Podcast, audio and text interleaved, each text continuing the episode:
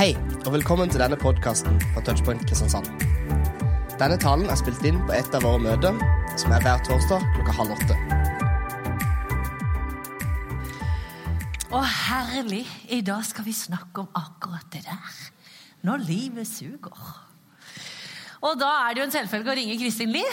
Eh, det var veldig vittig, for det er ikke så veldig lenge siden Roy Ellingfoss ringte meg og så sa han, du, å, kan ikke du komme? Han hadde ikke rekt å si begynne på setningen engang, så sa jeg bare nei, det kan jeg ikke. For jeg har taleforbud. Laget av meg selv, til meg selv, eh, for meg selv. Men når Roy Elling fortalte at vi skal snakke om akkurat det her, når på en måte alt bare går feil vei, når det butter imot, når det skjærer seg, når det ikke funker Da klarte jeg ikke å si nei. For noen har det jo sånn. Det er liksom et av mine store temaer.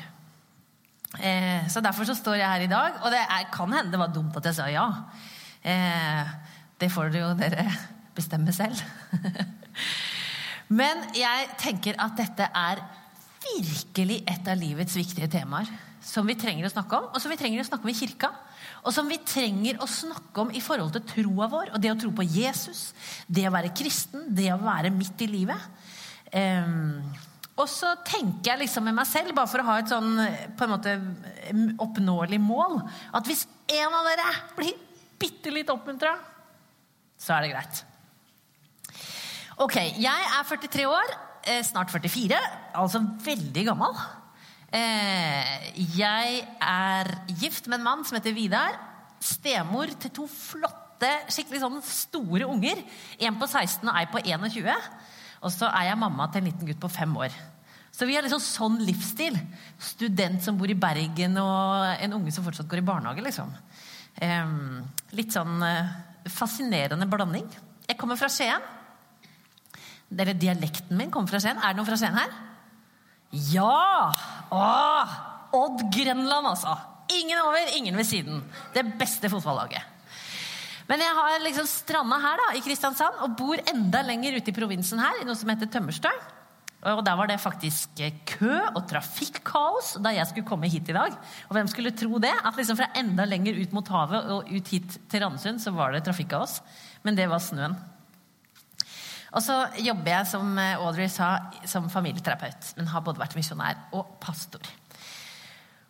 Og jeg skal ikke snakke om meg selv, men jeg skal kanskje på en måte dele noe av det som har vært min livshistorie også. Eller noen av de tingene.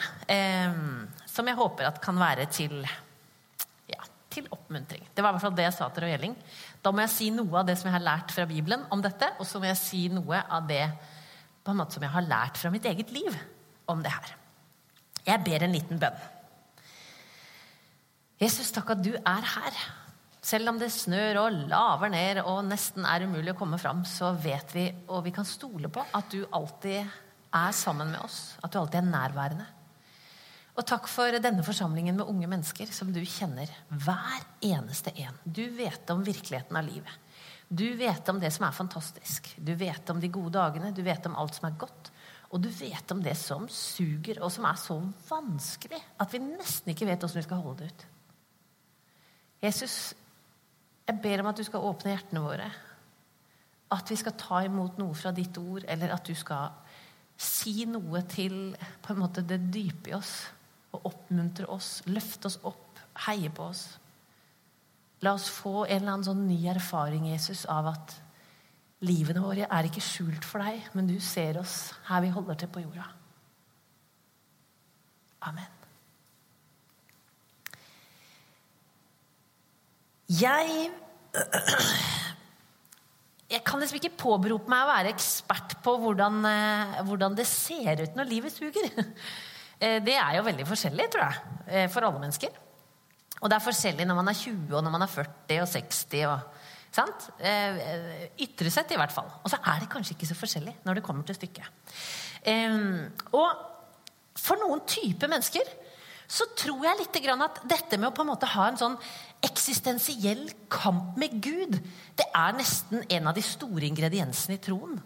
Noen har det litt mer sånn.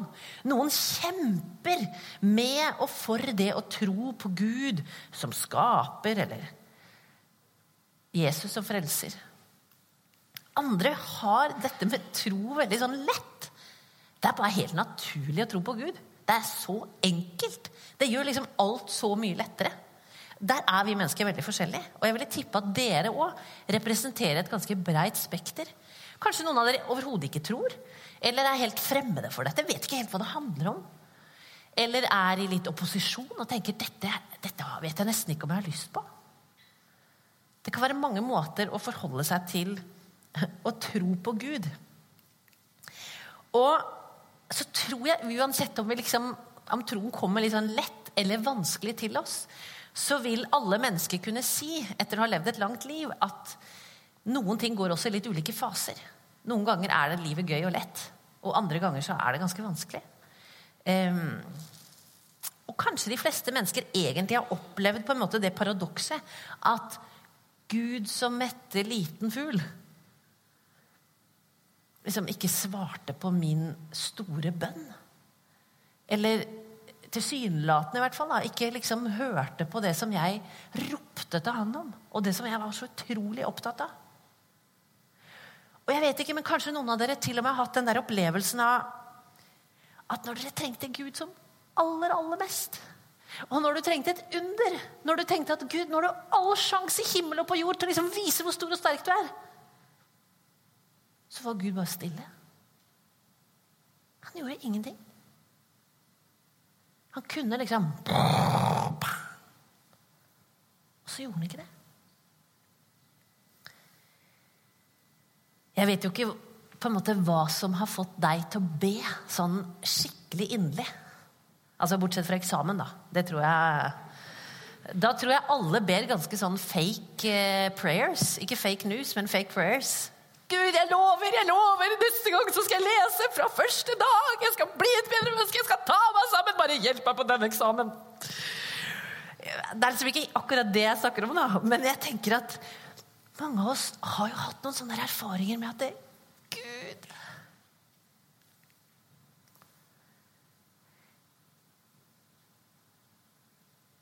Og jeg eh, Jeg har hatt noen sånne bønner. Noen sånne faser i livet hvor jeg på en måte nesten sagt har opplevd mer at det ikke virker, enn at det virker. Å tro på Gud den allmektige. Himmelens og jordens skaper. Og kanskje noen av dere kan kjenne dere igjen med meg at liksom noen ting kan få oss til å henge litt i lufta. Noen av disse temaene. For noen er det kanskje sånn at det å ha sånne temaer eller det å ha sånne eh, Nå er jeg litt diffus, da. Jeg driver og varmer opp og snakker meg inn i, inn i temaet. Det er nesten som sånne bønner som setter seg fast i halsen. Som litt sånn klump. Eller klump i magen. Eller stramme muskler, hodepine, vondt i magen. Jeg vet ikke. Jeg vet jo egentlig ikke hva som får dere til å frike litt ut. Jeg har vært på kurs om, eh, om eh, sånn ungdomsundersøkelse på Agder. Har dere hørt om den? De har jo sjekka ut hvordan dere har det. Dere som er ungdommer og bor på Agder. Og de har det jo både veldig bra og ganske krevende. Og det vi som er liksom så gamle som meg, vet nå, eller har lært, det er jo at dere er utsatt for sykt mye stress.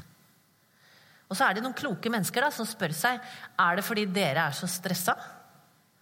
Eller er det vi som er foreldre til dere, som på en måte har ikke lært dere godt nok opp og rusta dere nok for det livet som kommer? Ja, Det vet jeg ikke. Det vil vi kanskje ikke få svar på.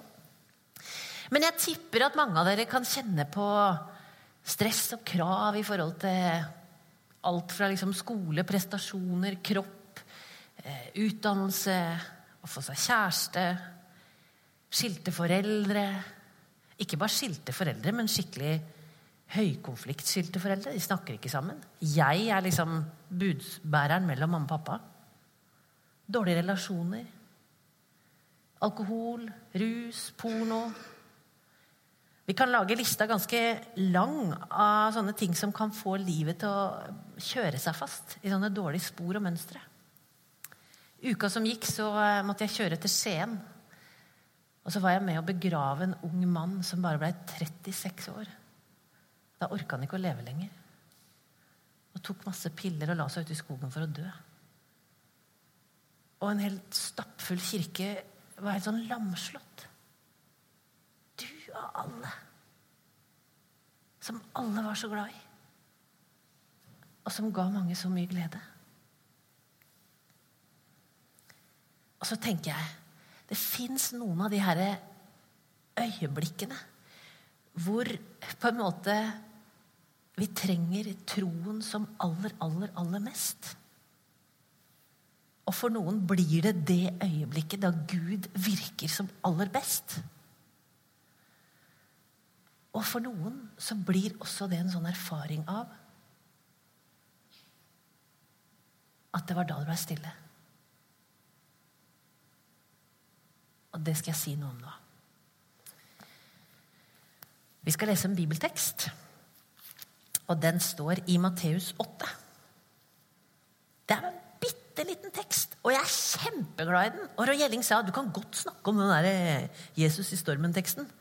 Og ikke visste han at det er jo en av de viktigste tekstene i Bibelen for meg. Nå skal jeg lese den først. Der står det sånn. Jesus stiller stormen. Så steg han i båten, og disiplene fulgte etter ham. Da ble det et voldsomt uvær på sjøen, så båten nesten ble borte mellom bølgene. Men Jesus sov. De gikk bort og vekket ham og sa, 'Herre, frels! Vi går under!' Han svarte, 'Hvorfor er dere redde, dere lite troende?' Så reiste han seg og truet vindene og sjøen, og det ble blikkstille. Mennene undret seg og spurte, 'Hva er dette for en mann?' Både vind og sjø adlyder han.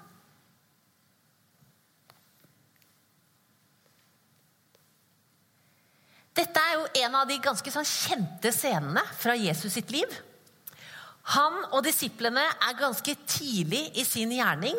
Og allerede, hvis du bare liksom blar sånn lett i Matteusevangeliet Det er sikkert ingen av dere som blar i Matteusevangeliet, for dere scroller dere nedover i Matteusevangeliet. Ikke sant? Leser dere Bibelen på mobil eller på bok? Ja! Å, så bra! Vet du, Vi trenger boka. Altså, jeg, Det er så bra at vi har Bibelen på mobilen. Jeg er så fan av det. Og det er ikke synd å lese Bibelen på mobil. Men det er veldig bra å ha en bok. Sant? En ekte bok. Ok, Hvis du bare liksom kikker litt på de versene og kapitlene som er før denne lille superkorte teksten, så har det skjedd sykt mange ting. Altså, Det er en spedalsk mann som har blitt helbreda. En offiser har kommet bort til Jesus, altså en av skikkelig høy rang. En som alle andre liksom sto giv akt og hadde respekt for. Kommer bort og forteller fortvila om en tjenestegutt som er syk. Og Jesus, smash, helbrederen. Til og med Peters svigermor blir helbreda. Dere vet at det er derfor Peter egentlig fornekter Jesus tre ganger til slutt? For å ta hevn på at han helbreda svigermora hans.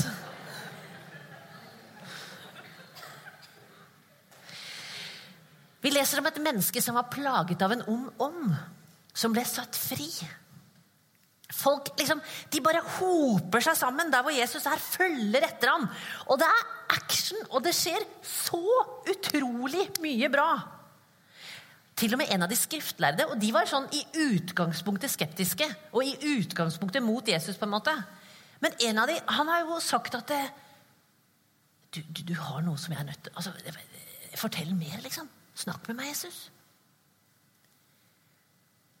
Og disse disiplene, som egentlig er ganske nye da, å, i det å følge etter Jesus, har likevel opplevd så mye sterkt og kraftig med Jesus at jeg ser liksom for meg at de er litt sånn på høyden. Kapittel 8, Matteus. Liksom, det er vi! Utrolig kult! Å, midt i det! Det er bare action, paction, det skjer masse. Å, det er bare så kult! Å! Så går Jesus ut i en båt. Hva er vel mer naturlig for disse disiplene enn å følge etter? Sånn, mange av de var jo fiskere. Altså, dette, var de, dette, var jo det de, kunne. Det er jo som å si til sørlendinger liksom, Skal vi dra ut på sjøen en smeigedag? Er det noe alle kan, så er det det. Sant? de, sånne som meg fra Skien, vi kan ikke sånn. Altså, det er ikke sånn at alle har båt i Skien. Du må jo dra kjempelangt for å se havet. Men sant? det var liksom, Jesus gjorde det disiplene var skikkelig godt vant med å kunne. Og så hadde de blitt ganske godt vant med å følge, etter han og se at det bare hey, uh, eh, Alt liksom bare skjedde rundt Jesus. Og så ante de virkelig ingenting om at de nå skulle oppleve noe av det mest ekstreme de skulle være med på. Og de visste helt sikkert at det veldig sånn plutselig kunne bli storm. For de hadde jo vært på sjøen mange ganger. De var fiskere, og de, og de bodde nær dette, denne Genesaretsjøen. Men ingen av dem visste hvor redde de skulle bli. Og ingen av dem visste hvor ekstremt dette øyeblikket skulle på en måte virke i dem. Da. Så da står det veldig sånn enkelt, kort og konsist. Da ble det et voldsomt uvær på sjøen, så båten nesten ble borte mellom bølgene. Men Jesus sov. Det er jo i seg selv ganske utrolig. Eh, jeg har én gang vært på sånn litt bølgetur. og da var jo, vi var, Alle var grønne i trynet, og vi sto sånn. Jeg tror Å sove var liksom det siste jeg tenkte på akkurat der og da. i den situasjonen. Jesus ligger og sover bak i båten. Og det er skikkelig krise. Vi skal stoppe opp litt der. Skal vi bare la det henge litt sånn i lufta? Og så skal vi tilbake til den bibelteksten.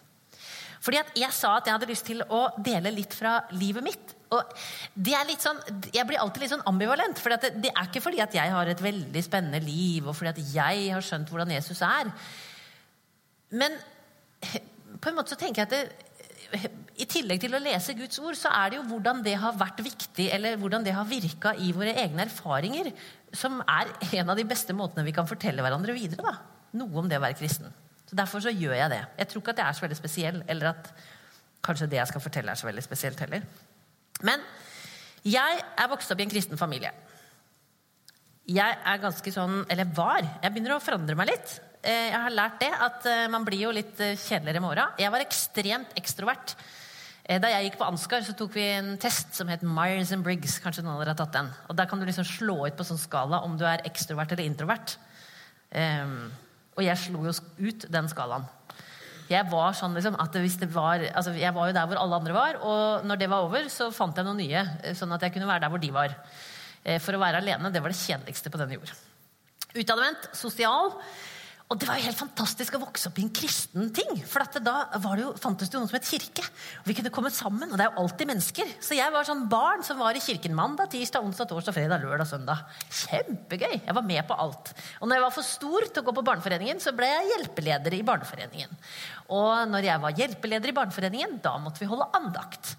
Og da fant jeg fram en bok vi hadde hjemme, en gammel andaktsbok av Margrethe Munthe. Og der sto det sånn skikkelig seriøse tekster om å være snill og grei. Og de leste jeg da. Det var fin andakt. Og så vokste jeg opp i et ungdomsmiljø som var superbra. Et kristent ungdomsmiljø i Skien. Der var det noen gale folk som fikk en idé om at de skulle lage en kristen kafé. Og det er noe av det beste som har hendt meg.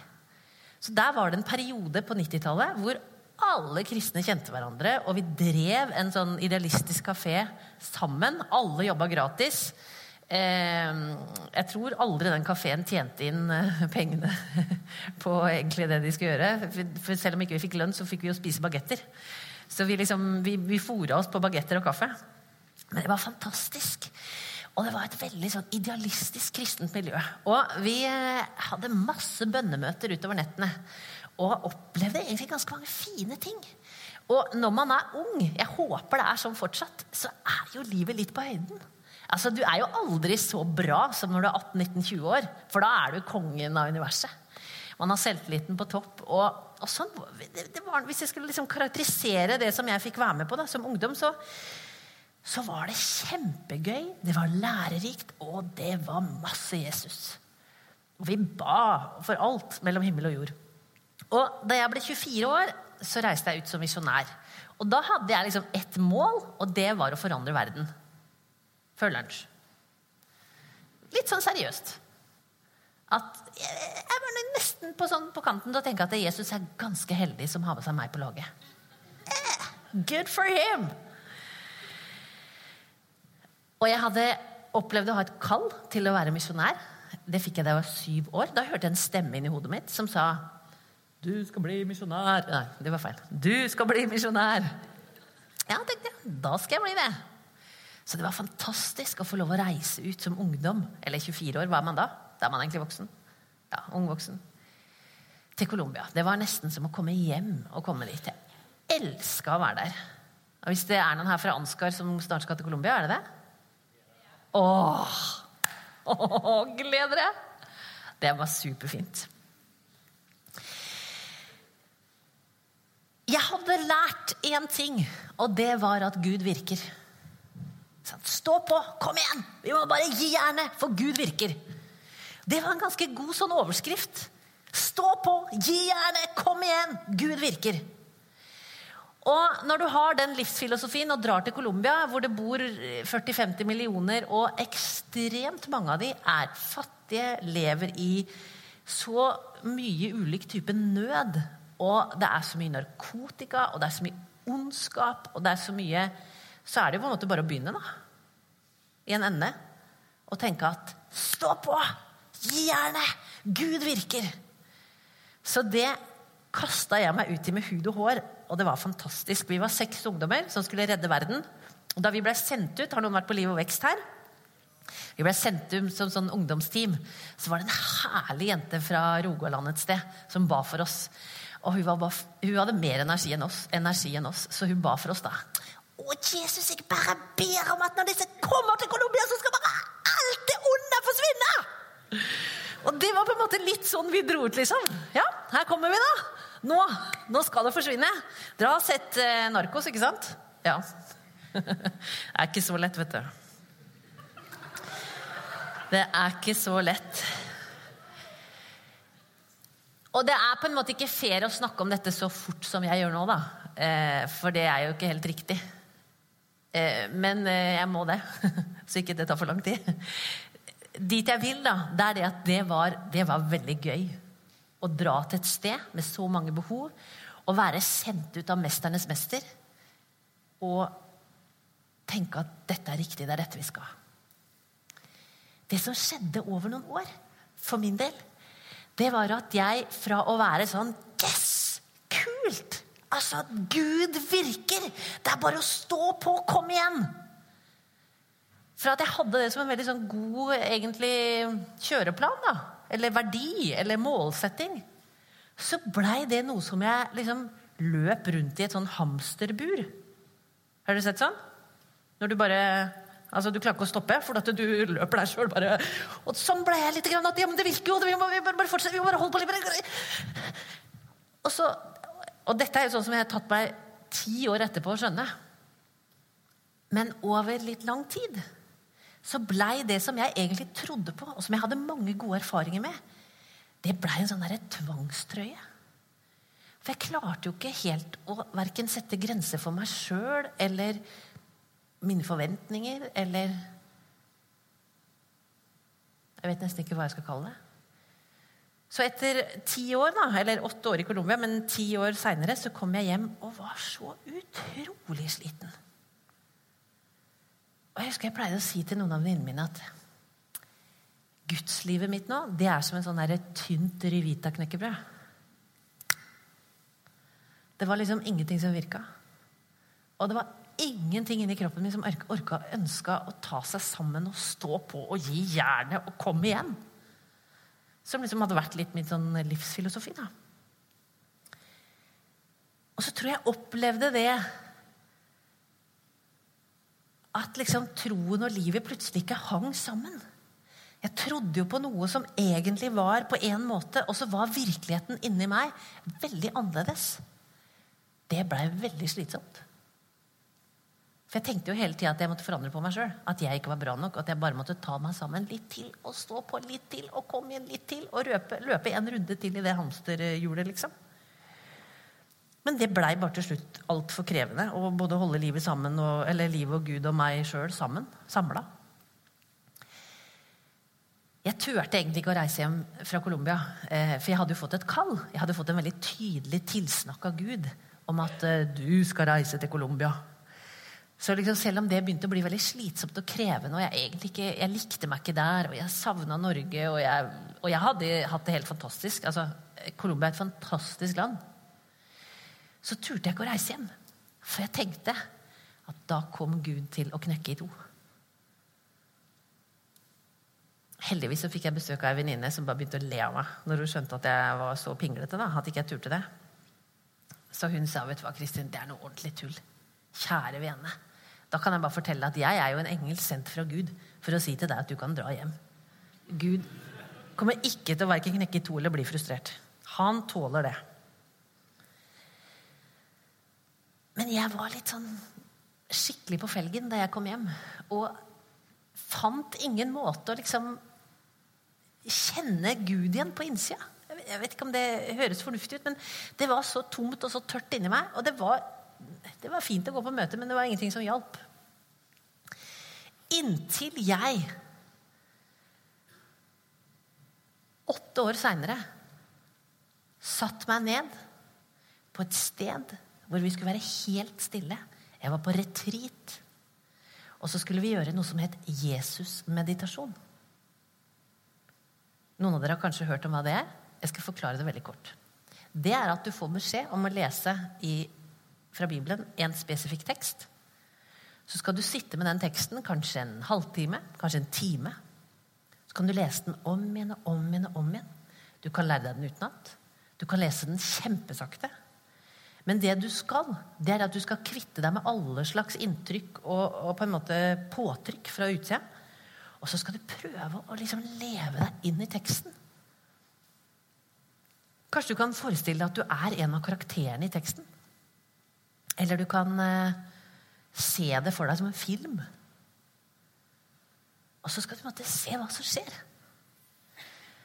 Og jeg er jo litt sånn kreativ av meg, så jeg syns jo det var veldig gøy. egentlig. Eh, men jeg hadde det fortsatt sånn at det var egentlig ingenting som hadde klart å berøre det der litt sånn tomme og harde på en måte inni meg.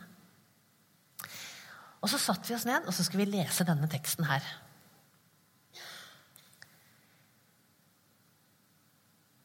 Og da jeg kom til det bitte lille punktet i stormen hvor det står at Jesus sov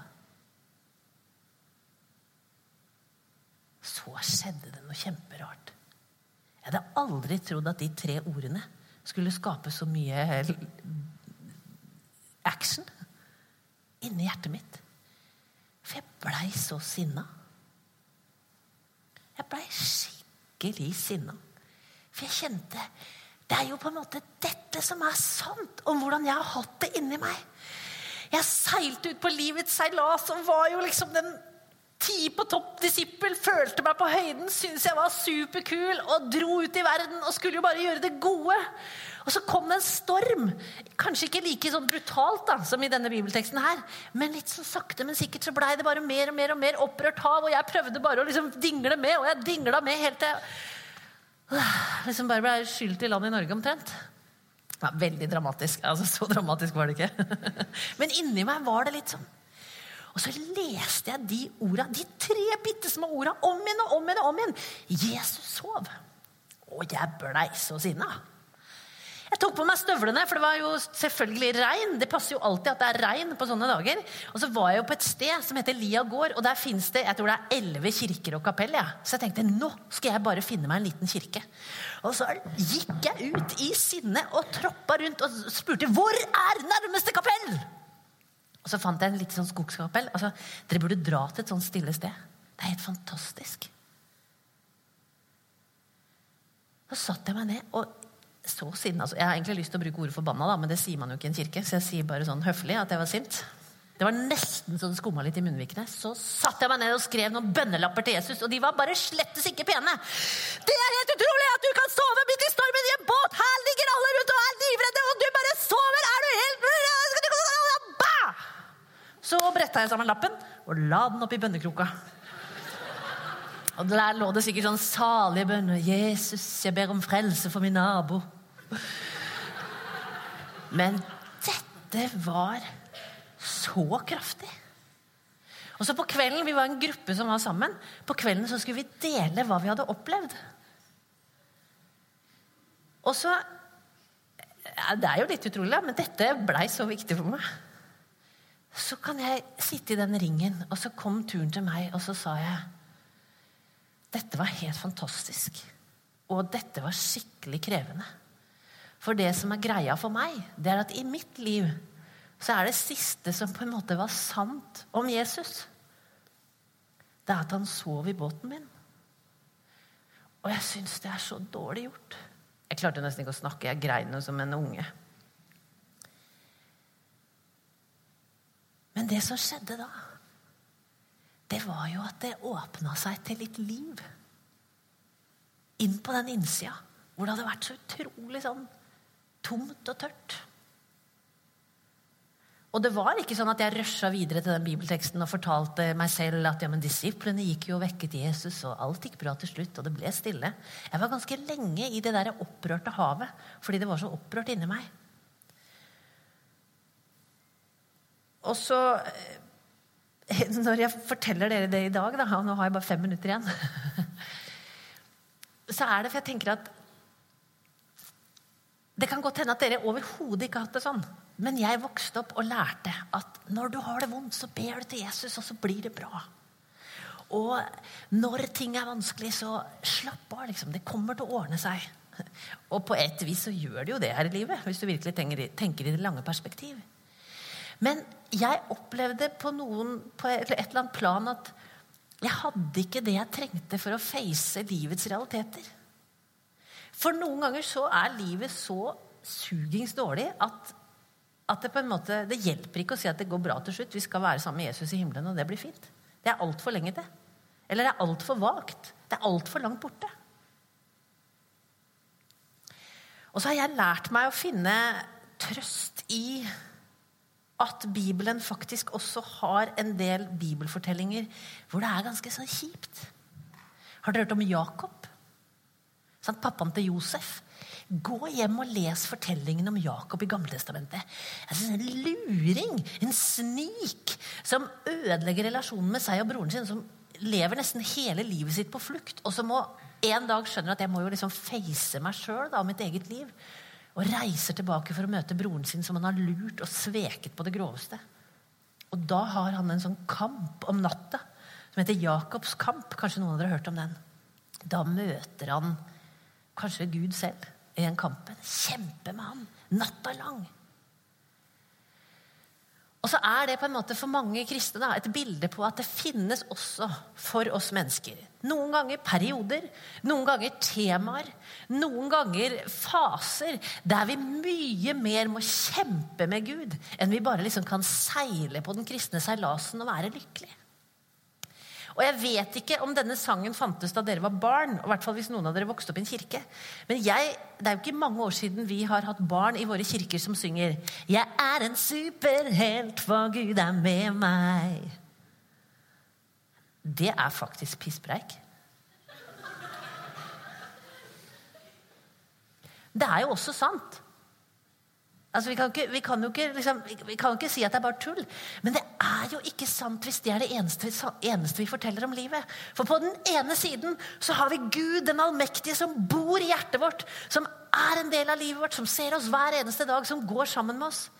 Men det betyr ikke at vi møter utfordringer så krevende at vi tenker 'nå dør jeg'. Dette orker jeg ikke. Eller jeg vet ikke hvordan jeg skal få det til. Og da trenger vi på en måte å ha språk for det eh, spriket, da. Som det er. Og det er jo da jeg blir litt sånn Yes, så kult at dere skal snakke om det på Touchpoint! Og det er jo ikke sikkert at jeg klarte å snakke om det på Touchpoint i dag. Men jeg har blitt 43 år. Jeg har lært. Livet kan være utrolig bra. Livet kan være bare vanvittig slitsomt. Og det som du tenkte var et bønnesvar, kan bare bli det mest krevende. liksom. Altså, det går litt frem og tilbake. Troen er jo mange ganger det beste vi har. Men av og til det virke, kan det virke, i hvert fall for noen, som om liksom ordene bare ikke har kraft. Da fins det mye godt å hente i Bibelen. Jeg er så glad for at dere sang sånne salige bibeltekster i de her lovsangene som dere begynte med. For det er sant om Gud. Og det er også sant både når vi føler det, og når vi ikke føler det. Og så tror jeg vi trenger å hjelpe hverandre til å snakke mangfoldig om troen. Jeg har jo lært at jeg kanskje i litt for stor grad har hatt Gud som min arbeidsgiver. Og etter den eh, opplevelsen med Jesus som sov i båten, også på en måte i min båt, da, i overført betydning, så, så har jeg fått et nytt prosjekt. Og det er at jeg skal, jeg skal venne meg til å leve med Jesus som min venn.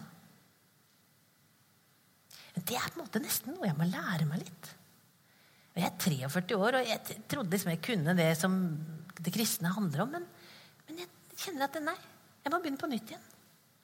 Jesus vil jo faktisk være min venn. Ja, hva vil det si? Hva betyr det? I denne teksten betydde det at de som var vennene hans, de fikk lov å gå og vekke ham. Det var jo en av de, eller kanskje alle sammen sammen, så sa de bare 'Nå må vi bare rope til Jesus'. Og noen ganger er det det eneste vi kan gjøre. Jeg tenker litt om liksom, dette temaet. Da. Noen ganger henger vi litt i lufta. Vet ikke om du kan ha hatt sånn følelse. Vi henger litt i ingenting. Det fins én, eneste én, som hang i lufta. En gang for alle. For alle mennesker. Jeg tror på han. Jeg tror på Jesus Kristus. Som døde for oss, og som sto opp for oss, og som lever i dag. Og så tror jeg at det er noe av det fineste vi kan ha med oss i livet på denne jorda. Og så tror jeg likevel at noen ganger kan livet suge skikkelig. Og da må vi være med å gi hverandre håp og tro. Når jeg ikke har det, så trenger jeg det fra deg. Og når du ikke har det, så trenger du det fra meg. Det er det fantastiske med kristen fellesskap. Det er det fantastiske med at dere er unge og går på kristne møter. Altså, hurra og halleluja. Fortsett med det. Og få med dere folk, flere folk. Vi trenger jo å gi hverandre håp for livet. For det er krevende å leve av og til. Men det er jo fantastisk. Vi har ikke så mye annet valg. Jeg ber en bønn til slutt. Takk, Jesus, at uh, ikke bare er du her, men du, du, kommer til å gå med oss hjem etterpå når vi alle sammen skal reise hjem. Hvert til vårt. Og du vet hvor vi bor. Du vet hvordan livet vårt er. Du kjenner våre tanker. Du kjenner våre frykter og angster, og du kjenner våre gleder. Og Jesus, jeg har lyst til å be om at du skal uh, på ny gi oss en erfaring av at du er en del av våre liv. Om vi opplever at du sover i båten, eller om vi kjenner at vi er på høyden med deg. Takk for at du kom og levde her på jorda, og takk for at du døde for oss. Og takk for at du nå er på det andre stedet og gjør klart evigheten for oss alle sammen. Amen.